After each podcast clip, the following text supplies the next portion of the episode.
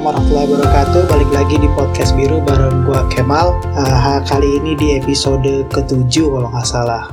Kali ini gue pengen bicarain tentang ekonomi syariah dan kebetulan gue punya temen yang kuliah ekonomi syariah dan uh, terjun langsung di industri ekonomi syariah teman SMA gue Rifki Fatianto. Halo assalamualaikum Ki. Apa kabar? Waalaikumsalam warahmatullahi baik Bung Kemal.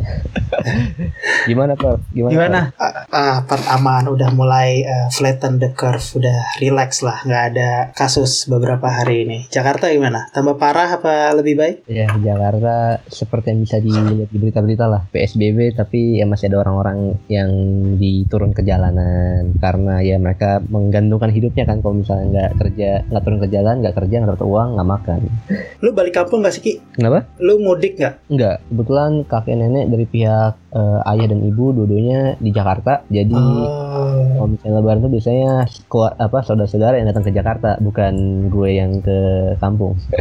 Karena gue nggak kampung gue campuran Jawa Sunda. Berarti tetap ya lebaran sepi ya berarti tahun ini ya? karena nggak ada saudara-saudara ke Jakarta. Oke. Okay. ya udah Ki uh, kita mulai aja kali uh, topik hari ini. Kan lu sebagai mantan bukan mantan ya emang pelaku di industri syariah terus emang studinya waktu kuliah ekonomi syariah iya kan ya? Iya tepatnya bisnis Islam lebih ke hmm. manajemen ya lebih ke bisnis nggak yang pure economics. Nah ini nih gue bikin topik ini gara-gara uh, sempat baca tweet salah satu account itu uh, investasi milenial. Tahu kan lo yang waktu itu gue mention? Iya iya iya. Ya yang dia ngomongin tentang uh, ekonomi syariah. Nah di situ gue pikir kayak kalau di account di account di akun akun itu ekonomi syariahnya dilihat dari perspektif lebih ke kapitalis kan ya. Bukan maksudnya uh, seperti ekonomi syariah yang selama ini gue pelajarin nah kalau lu bisa jelasin kira-kira ekonomi syariah tuh apa sih? Dan dasar-dasar kita melakukan transaksi dalam sistem ekonomi syariah tuh apa? Oke okay, jadi sebenarnya tuh kalau Islam economics itu kan uh, Islam economics as a science itu sebenarnya uh, masih muda ya. Masih baru muncul di tahun berapa? Nggak salah tahun 70-an kalau nggak salah di First Islamic Economic Conference itu gue lupa di Bahrain pokoknya. Nah ekonomi kan uh, sebenarnya kan ilmu ini kan uh, art of choices kan gimana kita mengalokasikan sumber daya yang terbatas untuk memenuhi kebutuhan kita. Nah ekonomi ini itu kalau misalnya di uh, tinjauan Islam itu termasuk dalam aspek muamalah. Muamalah itu hubungan manusia dengan manusia, nggak terbatas agama, muslim dan muslim, tapi seluruh manusia mau beda agama, beda ras dan segala macamnya. Nah, kalau misalnya dalam uh, aspek muamalah itu ada kaidah yang berbunyi al aslu fil asyai al ibaha hatta yadulat dalil an tahrim, yang artinya adalah hukum asal dari segala sesuatu adalah mubah, diperbolehkan, kecuali jika ada dalil yang melarangnya. Jadi hukum asal dari segala transaksi kita karena ekonomi itu hubungan manusia dan manusia ya itu diperbolehkan kecuali jika ada larangannya. Nah, dalam uh, Islam dalam konteks ekonomi itu ada tiga larangan yang paling utama. Yang pertama adalah larangan riba, yang kedua larangan adanya goror atau ketidakjelasan uncertainty, yang ketiga adalah larangan maisir atau berjudi, gambling, zero sum game. Nah, ketiga larang ini itu hikmahnya adalah untuk menghindari munculnya uh, apa kedoliman dalam aspek ekonomi gitu. Itu dasarnya. Hmm, berarti dasar muamalahnya ya kayak ekonomi biasa asal nggak melanggar syariat Islam ya? Benar benar. Nah kalau misalnya di apa di lebih advance lagi kan ekonomi itu kan turunan produknya banyak ya. Nah kalau hmm itu ada dua pendekatan gimana kita membuat suatu produk turunan dari ilmu ini. Yang pertama itu dari invent. Dari invent itu uh, menciptakan sesuatu dari awal berdasarkan dalil di ada dalil kemudian kita turunkan kita ekstrak jadilah suatu produk atau yang kedua adalah patchwork. Jadi kayak mengkonversikan yang udah ada di ekonomi konvensional menjadi sesuai dengan syariat jadi nggak nggak melanggar syariat gitu. Dan sebenarnya itu ekonomi konvensional dengan ekonomi Islam itu nggak selamanya selalu bertentangan karena kan ekonomi konvensional kan adalah studi mengenai manusia itu sendiri kan studi mengenai uh, apa tadi uh, ilmu ekonomi uh, study of behavior study of choices. Nah itu kan berdasarkan fakta yang empiris kan yang mana memang nyata terjadi dan bisa dipertanggungjawabkan secara ilmiah sehingga ya nggak selamanya itu selalu bertentangan selalu beda kutub antara Islamic economics dan ekonomi konvensional. Tapi ya ada beberapa aspek dalam ekonomi konvensional yang tidak diperbolehkan dalam Islam. Nah itu yang kita bahas agar kita bisa bermuamalah dalam ekonomi tanpa melanggar syariat. Berarti ekonomi syariah tuh nggak cuma sebatas riba atau bunga bank aja ya, lebih luas lagi cakupannya dari itu ya. Iya, riba itu kan tadi cuma salah satu aspek larangan terbesar kan. Ada dua lagi, goror dan maisir. Nah, goror ini tuh artinya uncertainty yang besar. Jadi uh, jatuhnya kayak mungkin praktek spekulasi, kemudian uh, ketika kita bertransaksi tapi kita nggak tahu barang yang kita dapatkan itu udah pasti jadi atau belum kalau misalnya dalam uh, contohnya ketika kita misalnya apa agri agribisnis misalnya kemudian kita bilang saya membeli buah dari pohon yang pohon mangga yang yang ada di kebun Anda. Nah, padahal itu belum musim panen dan kita udah ngasih harganya berapa. Itu kan belum bisa pastikan kan dia itu panennya berhasil atau enggak. Kemudian berapa kuantitas mangga yang dihasilkan. Kita kayak predetermine the price of the mangoes kan. Itu nggak boleh karena kita Oh, ijon ya, sistem ijon. Iya, kayak gitu. Itu nggak oh. boleh. Nah, satu lagi itu maisir. Maisir itu berjudi, tapi sebenarnya hakikat utama berjudi adalah zero sum game zero sum game itu ada satu party, satu pihak yang untung besar jika pihak lainnya itu mengalami kerugian. Halo? Di, Halo Ki, uh, put, putus nih putus.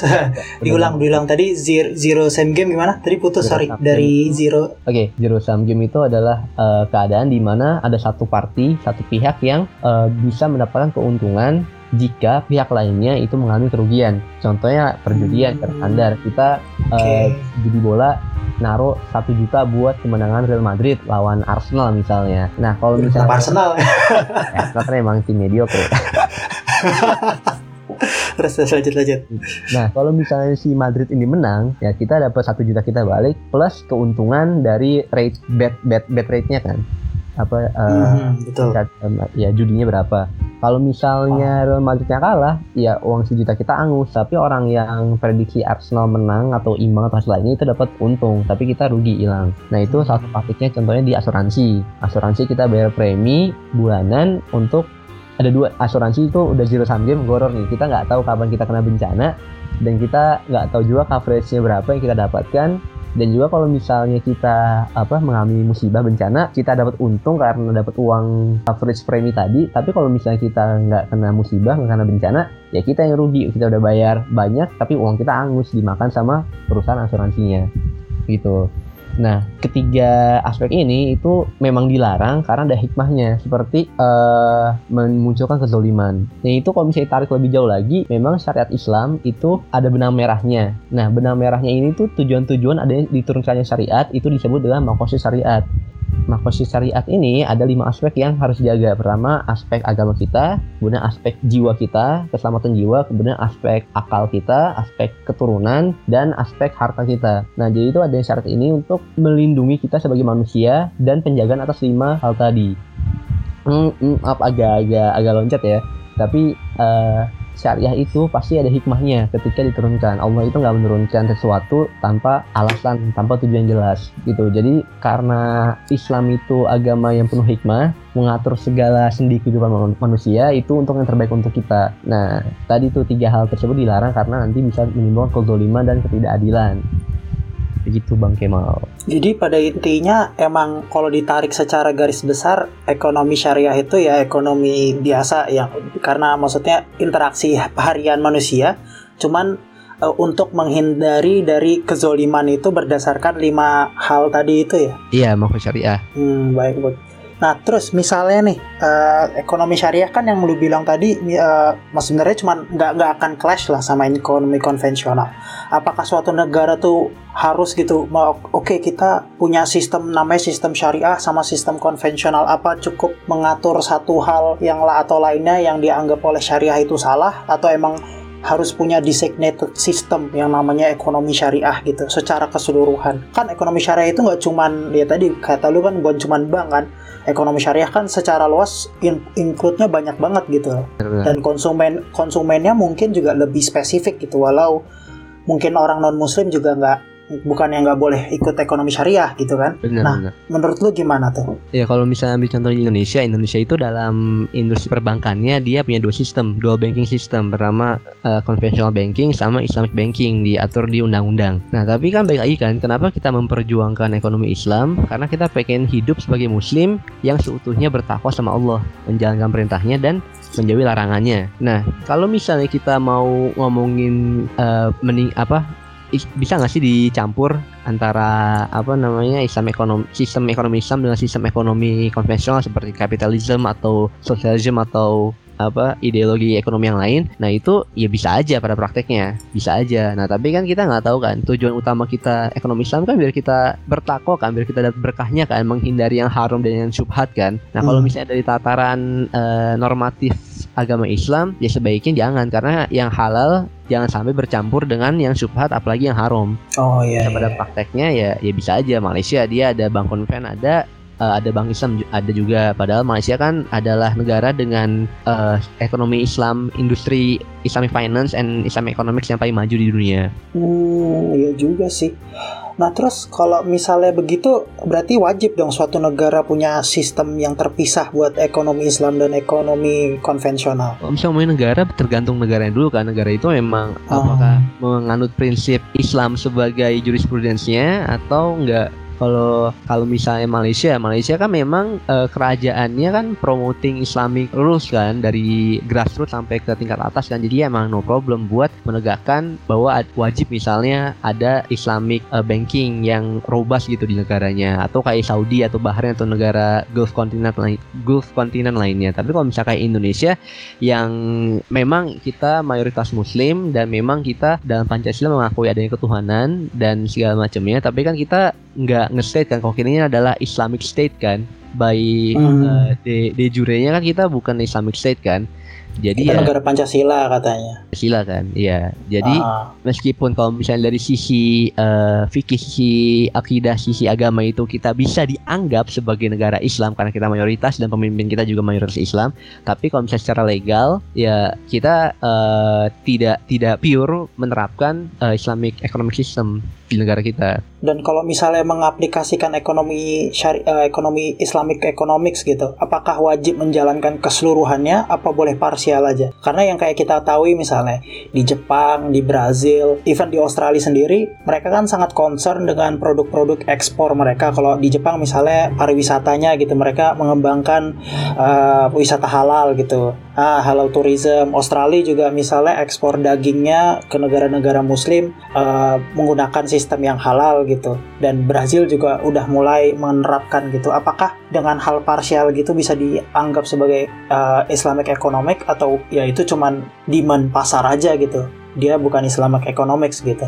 Iya kalau misalnya dia cuma parsial aja ya kalau pendapat gue dia ya cuman ini me melayani demand yang ada itu kayak misalnya Australia karena ada kebutuhan masyarakatnya misalnya baiknya muslim dia butuh uh, apa uh, halal meat misalnya jadi dia bikin regulasi tentang daging halal. Yaitu dia menerapkan ekonomi syariah tapi ya secara secara state-nya kan dia kan negaranya dia tidak menerapkan sistem ekonomi Islam enggak. Tapi dia me mewadahi rakyatnya yang butuh apa per, butuh supply akan daging halal. Dan Jepang juga dia mau mewadahi turis-turis asing yang ke Jepang yang masa yang agamanya muslim. Jadi secara parsial bisa kita terapkan. Tapi ya kalau misalnya kita ngomong sebagai muslim kan ya baiknya kan kita secara kafah kan secara menyeluruh kan. Tapi nggak bisa salahin juga kalau misalnya cuma parsial. Ya menurut gue itu nggak masalah is fine karena kita memang hidup di dunia ini kan uh, landasan ekonominya itu kerangka ekonomi ilmu ilmu ekonomi konvensional yang telah mengakar di negara-negara maju dan kemudian diadopt diadaptasi sama negara-negara dunia ketiga ini kan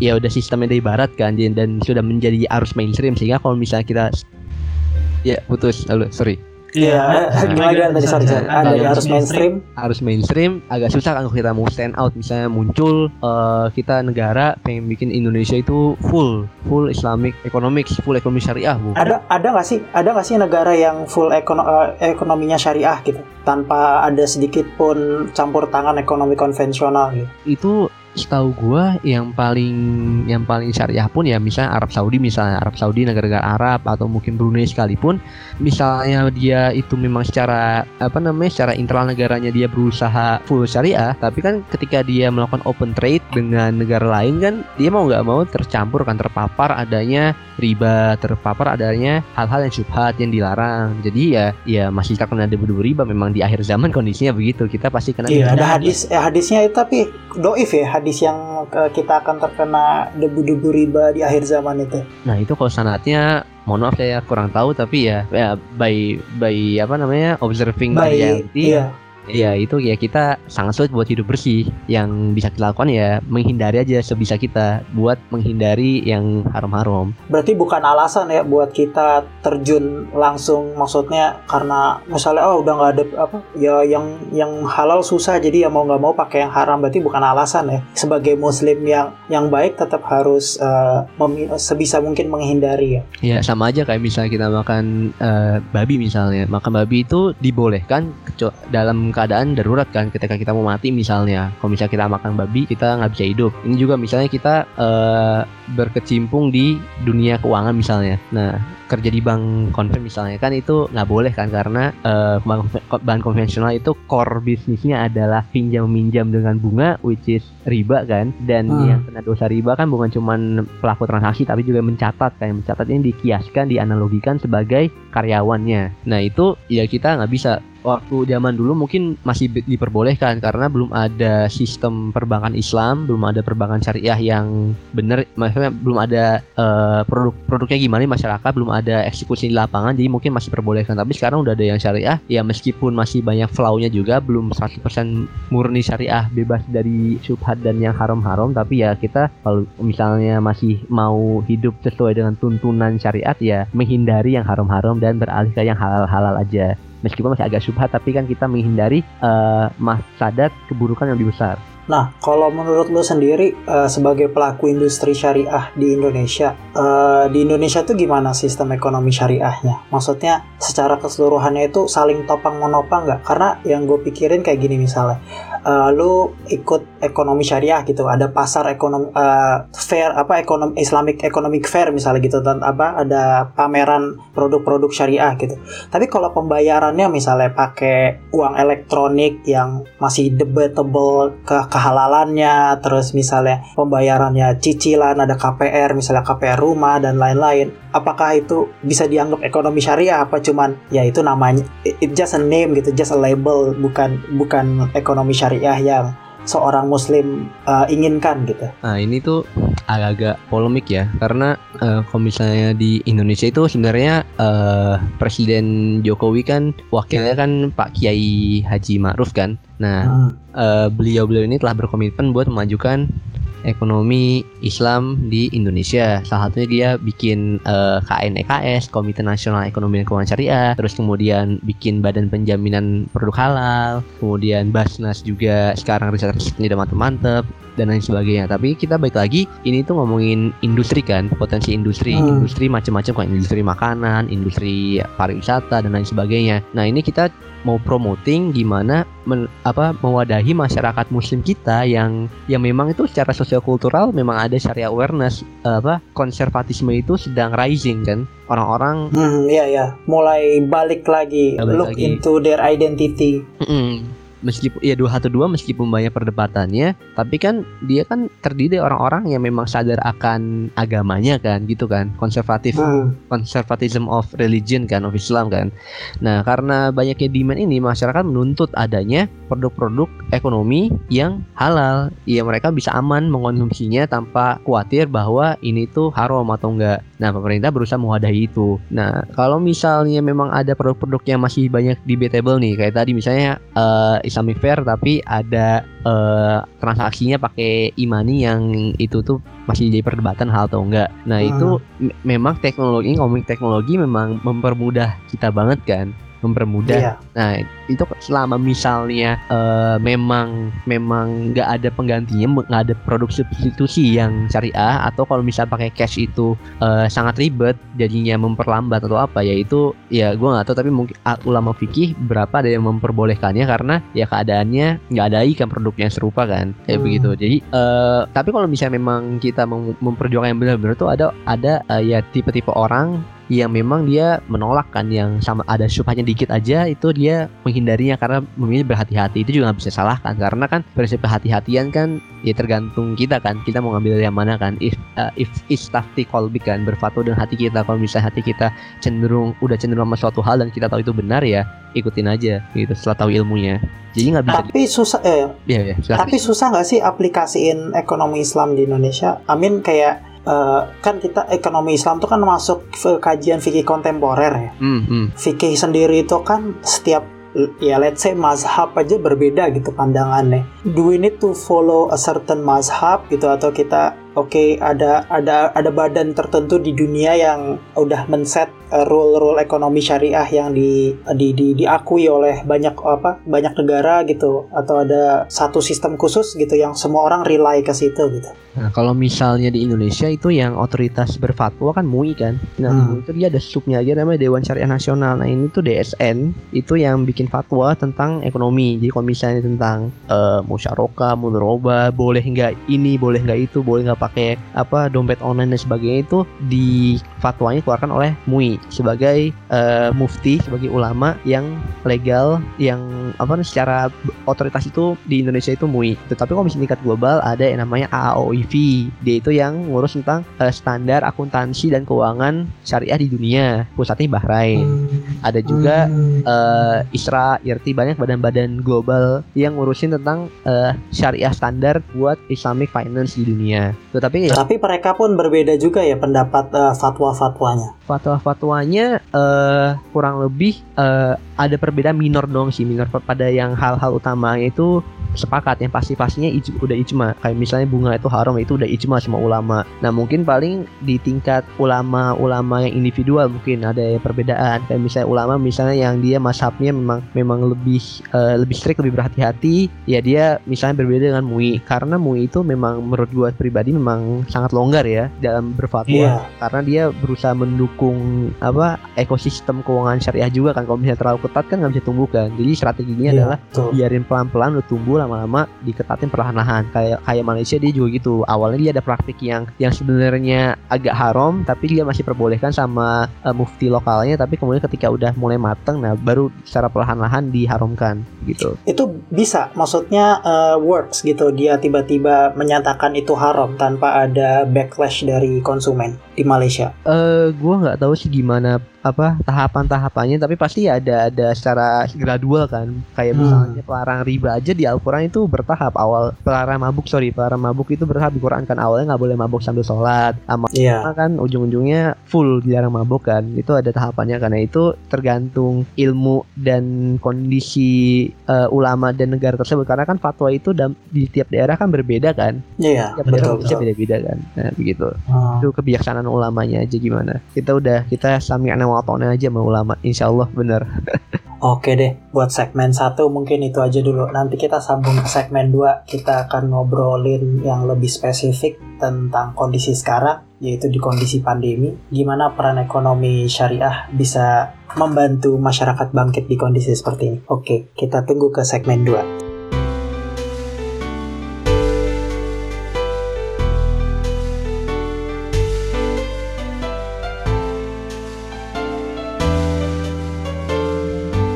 Hai, balik lagi di segmen 2 uh, eh, bareng masih bareng gua Kemal dan uh, Rifki. Uh, di sini ya tadi ada beberapa koneksi yang putus. Mungkin uh, mohon maaf kalau misalnya kelewatan pas editing. Jadi minta maaf langsung di podcast ya.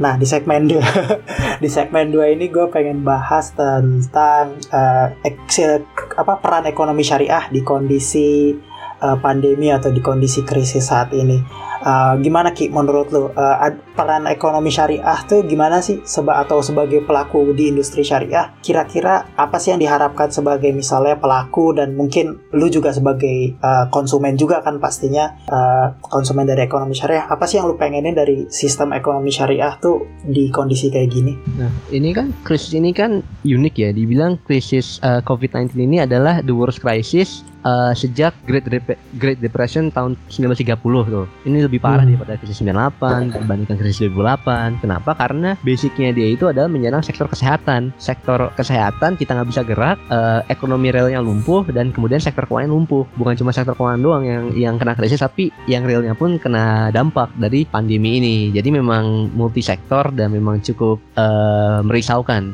Nah, uh, peran pemerintah itu kan paling utama harusnya bikin social safety net kan jaringan uh, apa pengaman sosial kan biar warganya hmm. itu rakyatnya masih bisa hidup dengan layak lah masih bisa mengakses pendidikan bisa mengakses uh, sembako dan hal-hal esensial lainnya Nah itu peran dari peran dari ekonomi Islam itu bisa melalui dana filantropinya. Sektor filantropi Islam itu kuat banget kan ada ada empat empat aspek ya dalam filantropi Islam. Pertama ada zakat, ada infak, ada sedekah, sama ada wakaf. Nah ini kalau misalnya okay. ada bingung nih bedanya zakat, infak, sedekah apa sih kok bareng apa anggapannya orang-orang sama-sama apa sumbangan tapi kok ada ada tiga istilah yang berbeda.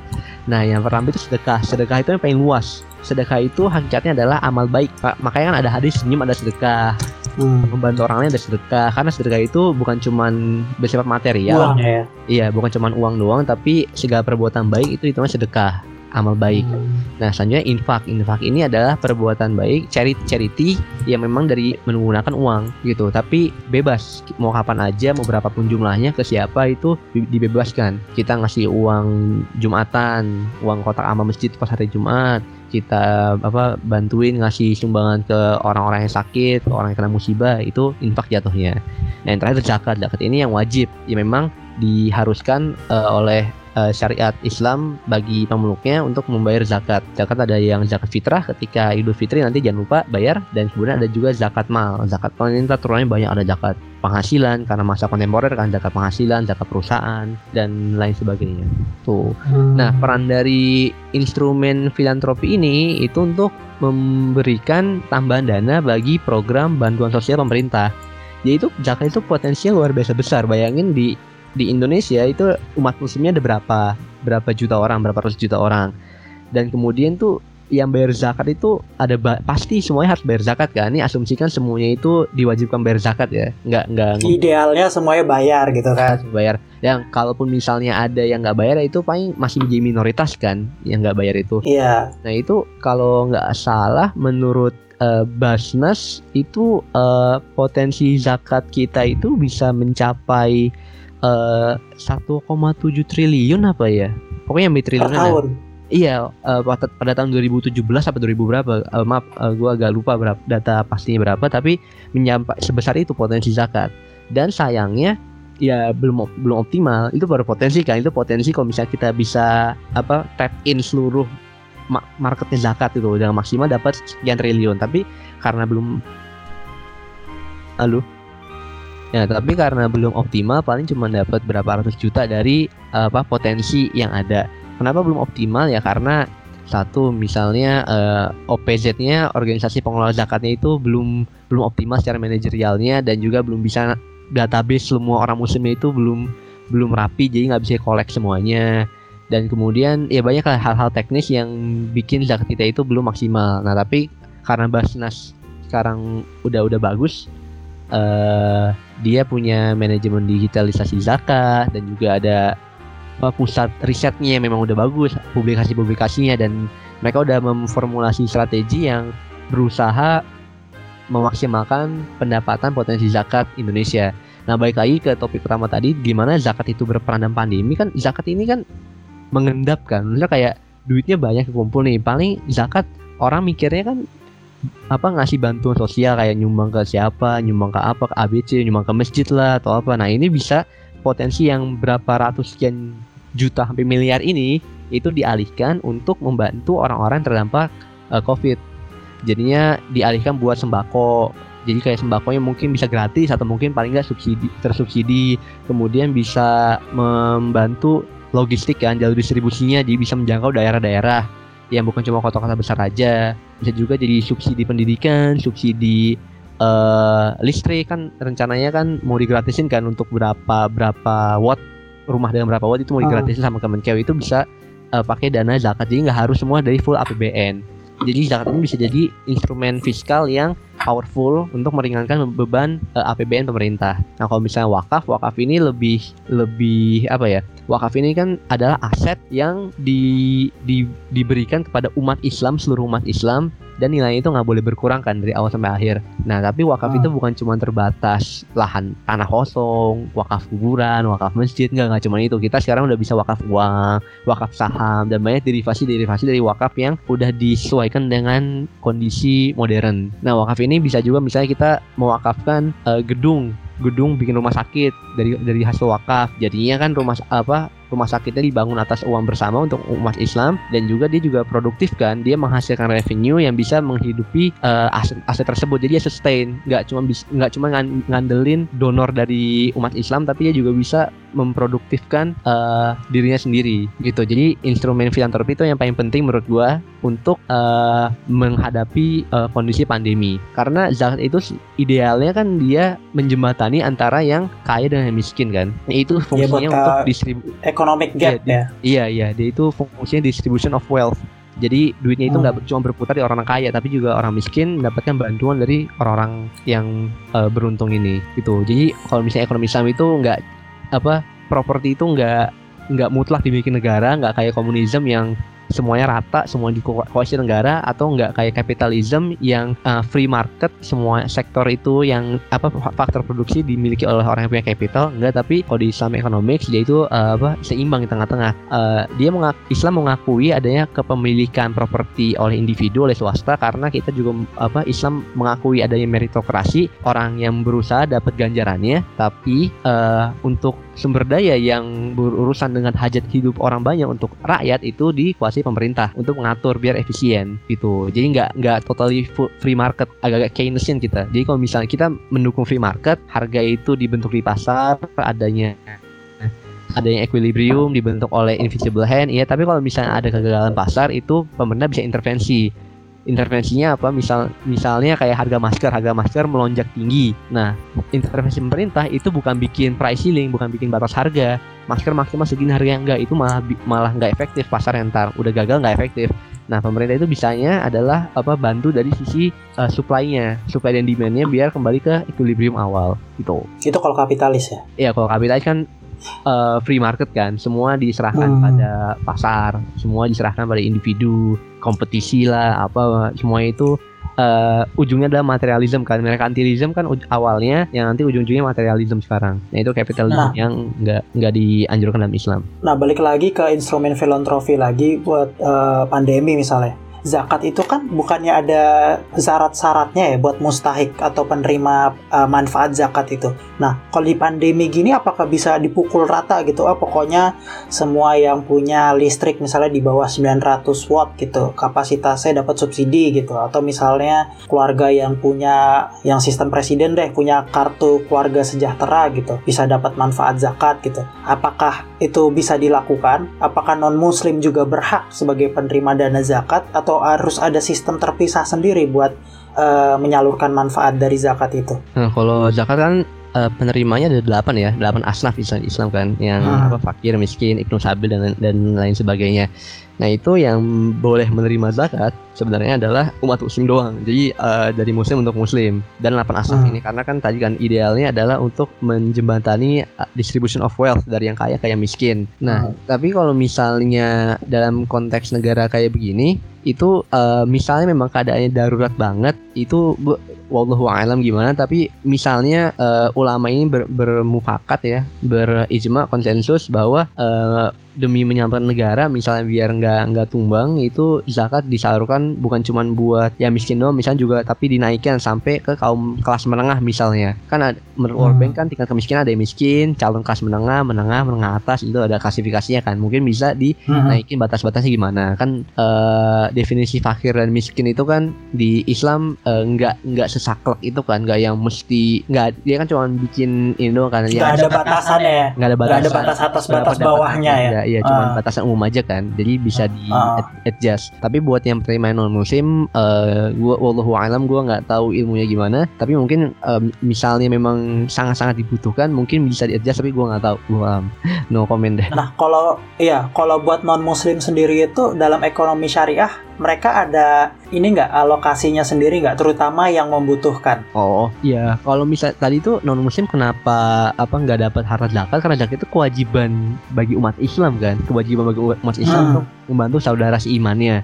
Nah kalau misalnya buat yeah. perdagangan biasa buat apa ya kita bertransaksi dengan dengan harian dengan yang lain tuh ya hukumnya sama aja kayak nggak nggak nggak dibeda-bedakan kan kita dilarang zolim kepada non muslim sekalipun kan Rasulullah itu di hmm. Madinah hmm. di Mekah zaman dulu kan berdagang tuh juga dengan orang Yahudi dengan orang Nasrani kan dan beliau itu sangat mengencam orang-orang yang adanya diskriminasi harga bagi yang nggak nggak muslim jadi harus semua harus fair kalau misalnya udah transaksi muamalah gitu tapi karena tadi zakat itu Hmm. memang pilar Islam zakat kan rukun Islam kan pilar pi- satu Iya. pilar penting kan nah itu baru ada ada apa pengecualian tapi kalau misalnya Kalau untuk wakaf misalnya, Nah, wakaf itu eh, wakaf untuk umat kan. Tapi kalau misalnya udah bentuknya ru- rumah sakit ya pasiennya ya ya bisa boleh yang non muslim misalnya. Kalau atau juga misalnya udah dibikin wakaf jadi wakaf eh, sekolah misalnya ya ya itu tergantung nazir aja. Nazir yang pengelolanya itu sama wakifnya sama orang berwakafnya boleh nggak non muslim juga masuk dalam rumah sakitnya misalnya atau masuk ke sekolahnya. Tapi secara umum wakaf masih lebih fleksibel masih diperbolehkan. Karena jatuhnya kayak sedekah kan. Sedekah dan infak kan nggak cuma buat muslim aja kan tapi sedekah juga bisa ke non muslim kan. Hmm, Oke, berarti zakat itu lebih rigid ya maksudnya karena ya udah syariatnya udah jelas ya dari jumlah terus penerima manfaat yang harus bayar siapa. Jadi emang eh, aplikasinya agak lebih kurang fleksibel dibandingkan tiga instrumen lain ya. kalau misalnya tarik ke masa lalu ke sejarah itu eh, zaman kekhalifahan itu kita nggak nggak kenal pajak kan? Umat Mhm. Islam itu cuma ditarik zakat aja. Zakat. Nah buat yang non muslim karena dia nggak dapat zakat nggak nggak ditarik zakat dia itu ditarik namanya jizyah sama kharaj buat yang non non muslimnya ada beberapa pajak-pajak lain tidak nggak kena zakat tapi kena jizyah dan Oh. kharaj nah tapi itu jumlahnya zakat biasanya lebih lebih rendah persentasenya dibandingkan pajak-pajak untuk non muslim Hmm, Oke, jadi memang ya emang kalau diaplikasikan di negara Indonesia agak berat ya kalau sistem misalnya yang Muslim cuma bayar zakat dan yang non Muslim harus bayar jizyah dan eh, pajak lainnya. Iya, agak agak susah. Sebenarnya itu kan hukum pajak sendiri kan debatable kan masih kan, karena ada hadis yang melarang pem- pemungut pajak ya, Di- dilarang pajak. Iya, Hukum asalnya dilarang di dalam Islam, tapi para ulama memperbolehkan adanya pajak karena kalau misalnya nggak ada pajak Indonesia nggak bisa hidup. Lu kalau misalnya buka APBN iseng-iseng itu proporsi pendapatan terbesar kita ya dari pajak. Nggak ini. iya kayaknya hampir ribu, berapa ribu triliun dari APBN itu hampir 75 persennya apa uang pajak ya. Sisanya itu pendapatan kayak migas dan lain-lain itu juga nggak signifikan sebenarnya. Ya, masih semua itu pajak di APBN. Nah, jadi kalau misalnya eh, kita sebagai warga negara baik, sebagai warga negara yang baik ya, ya bayar zakat karena kan un- biar apa Amirul Mukminin biar pemerintah kita bisa menjalankan tugasnya dengan baik. Nah, tapi kalau misalnya hukum bekerja di kantor pajak dan yang sejenisnya itu baiknya dihindari karena biar kita nggak ikut-ikutan nggak kena yang yang subhatnya gitu. Jadi bisa masih debatable lah ya. Iya masih masih debatable. Nah, misalnya balik lagi ke topik pandemi, Eh, lu sebagai pelaku industri ekonomi Islam merasa udah dapat ini nggak eh, payung safety net gitu atau bantuan-bantuan khusus dari pemerintah kan ya bisa dibilang kayak lu bilang tadi eh, Indonesia tuh lagi pengen banget mengembangkan industri ekonomi syariahnya. Nah lu sebagai pelaku industri merasakan nggak di kondisi kayak gini ada bantuan khusus gitu dari pemerintah? Wah, kalau bantuan khusus kayaknya belum nih kan gue kan kerja di fintech ya, fintech syariah to peer Hmm. lending. Nah itu di bawah pengawasan OJK kan, OJK. Nah itu eh, pemerintah tuh buat bisnis itu ngasih bantuannya ke ke perusahaan dalam bentuk keringanan pajak. Jadi kayak beberapa pajak untuk pajak untuk beberapa sektor itu di, diringankan atau ada yang dihapuskan. Dan kalau misal dan buat UMKM, UMKM itu kan karena lebih mikro dia eh, lebih kerakyatan kan. Jadi kayak misalnya buat kur kredit usaha rakyat itu direstrukturisasi di apa dipanjangin temponya dan dan beberapa keringanan lainnya. Tapi kalau misalnya buat perusahaan fintech sejauh ini ya paling yang dirasakan ya keringanan pajak gitu. Tapi kan fintech juga masih kecil kan pajaknya juga Hmm. belum nggak signifikan banget tuh. Tapi ya fungsi utama Jadi buat- fintech kan menjembatani kan, menjembatani Ah. eh, yang unbankable people kan, orang yang nggak bisa ke bank itu dijangkaunya sama fintech fintech. Jadi ya memang eh, fintech itu utamanya membantu UMKM UMKM biar bisa tumbuh, biar bisa kan karena ekonomi kita kan backbone-nya tulambungnya itu UMKM kan. Karena kan kebanyakan rakyat kita kan yang relasi pendapatannya kan menengah dan menengah bawah kan dan orang-orang ini kan lebih banyak berkutat di sektor informal dan UMKM kan. Jadi biar tetap hidup ya fintech eh, ngasih bantuan dengan cara itu kreditnya misalnya diperpanjang temponya. Kemudian ada berapa mungkin ada sistem kordul hasan atau gimana restruk pokoknya intinya restrukturisasi pembiayaan biar mereka masih bisa hidup lah bisnisnya. Hmm, berarti kalaupun ada bantuan dari pemerintah yang di expect itu mungkin lebih ke secara umum industri keuangan ya, nggak ada khusus buat industri ekonomi syariah ya. Enggak enggak ada. belum ada belum masih ada se dan peran gua. dan peran bisnis industri syariah terutama kayak fintech atau peer to peer lending kayak yang lu lakuin sama aja ya kayak industri lainnya ya lebih ke relaxing uh, policy-policy atau misalnya jatuh temponya diperpanjang dan lain-lain ya. Iya benar. Ya, perbedaan apa namanya institusi keuangan syariah dan yang enggak syariah kan itu kan nggak ada bunganya kan dan transaksi yang tadi yang goror maisir sama riba kan ditiadakan. Bedanya itu aja. Hmm. Nah kalau di kondisi sulit kayak gini gitu, uh, kayak lu udah bilang tadi dikasih uh, perpanjangan dan lain-lain. Uh, itu memberatkan gak sih? Maksudnya ya sebenarnya kan kayak salah satu prinsip ekonomi Islam tuh kan tolong menolong ya. Jadi sebenarnya kadang-kadang kalau kita expect sesuatu misalnya kayak jatuh tempo bisa uh, sita ini sita itu kan kayak kayaknya nggak ada ya di ekonomi Islam ya. Maksudnya kayak yang sampai uh, pakai uh, debt collector dan lain-lain. Nah, nah itu gimana? Ini berarti bahasanya utang ya dalam Islam ya posisi utang tuh gimana sih iya, Islam? Ah, ah. Karena di kondisi kayak gini tuh kan kayaknya utang tuh maksudnya banyak tuh keluarga atau orang-orang yang terguncang karena mm. ya ya mereka menggunakan ekonomi konvensional yang dasarnya bisnis ya inti objeknya uang bukan tolong menolong. Nah ekonomi Islam tuh gimana kira-kira? Utang itu dalam Islam sebenarnya nggak dianjurkan kan? Utang itu hmm. uh, utang konsumtif apalagi itu nggak dianjurkan kita kita uh, yang utang kalau misalnya memang kepepet aja kan tapi karena hmm. kita hidup di kondisi yang ekonominya itu ya mainstream ada yang konvensional itu utang utang itu instrumen penting buat uh, kita leveraging tingkat konsumsi kita dan tingkat produktivitas kita nah uh, kalau misalnya utang dalam Islam itu akadnya kan kayak tadi lo bilang kan ada akad tolong menolong. Nah akad tolong menolong itu tuh nggak hmm. boleh ada tambahan, nggak boleh ada tambahan atau kelebihan nominalnya kalau misalnya ada itu hitungnya riba kan. Nah jadi itu kalau misalnya ada utang iya iya misalnya utang sejuta dibayarnya sejuta juga. Kalau misalnya ada apa dia ada indikasi gagal bayar NP apa non performing loan NPL atau atau ya gagal bayar default itu nah itu pilihannya ya kita sebagai uh, debitur kalau nggak perpanjang ya mengikhlaskan gitu. Nah ini hmm. agak-agak bingung kan, ini secara bisnis gimana nih kalau gitu orang-orang apa itu dong pada nggak nggak mau bayar dong biar diikhlasin. Nah itu baik lagi kan tang tanggung jawab kita sebagai orang yang berhutang itu adalah membayarnya karena kalau misalnya kita nggak bayar hutang kan dibawa sampai akhirat kan sampai mati kan dan kalau misalnya yeah. kita kita nggak bisa masuk surga masuk neraka dihukum kan. Nah jadi itu uh, check and balance di situ yang ngasih utang itu menolong orang kesusahan jadi pahala yang berhutang ya harus bayar kalau dia nggak bayar kalau nggak diikhlaskan ya dia bisa masuk neraka gitu. Dan dalam Islam itu uta, apa jaminan itu sebenarnya nggak diperbolehkan kan? Oh gitu. Nggak nggak ada ya jaminan? Bukan jaminan sorry. Denda denda. Denda itu. Oh denda oke. Okay.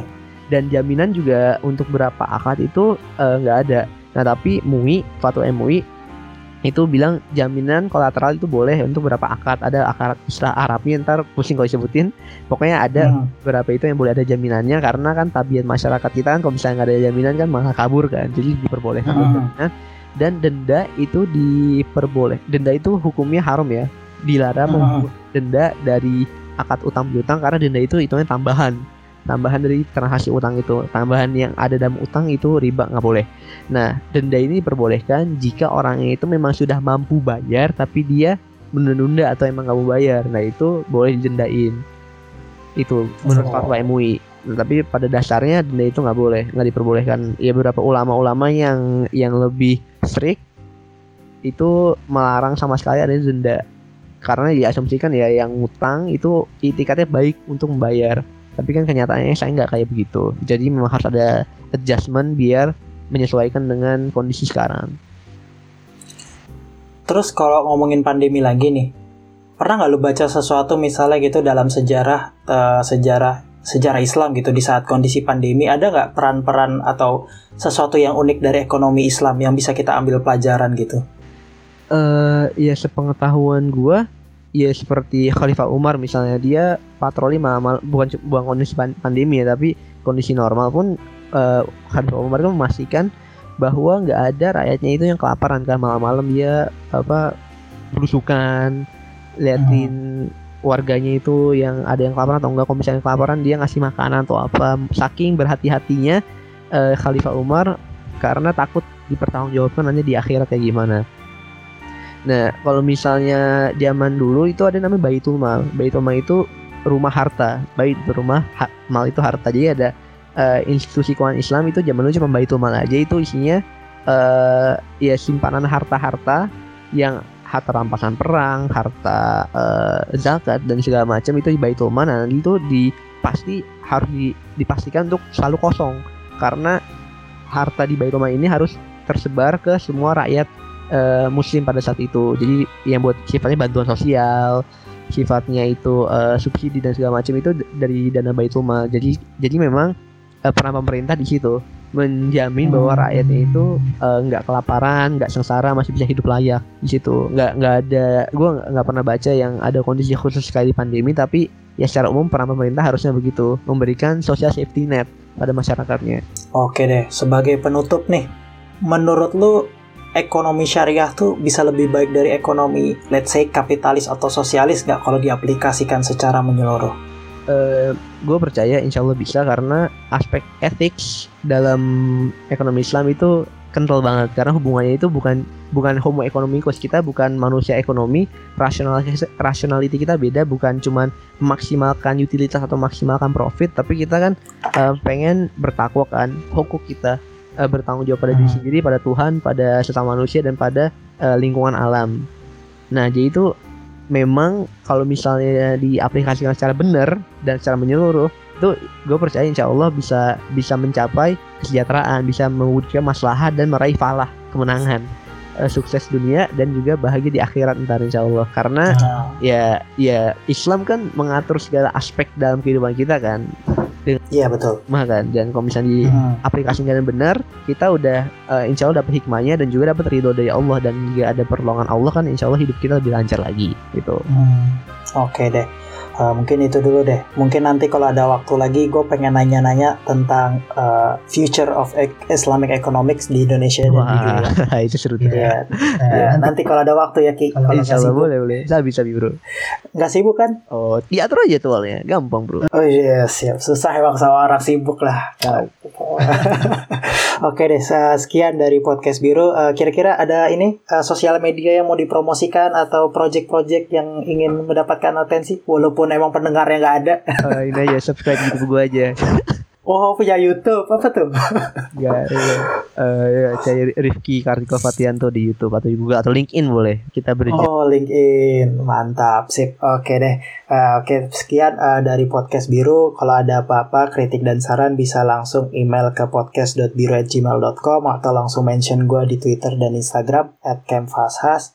Uh, sekian dari gue semoga bermanfaat. Oke okay. assalamualaikum warahmatullahi wabarakatuh. Terima kasih Ki. Ya, makasih juga Bang. Sukses okay. terus. Oke, okay. ya, sip sip. Ya, bye. Bye.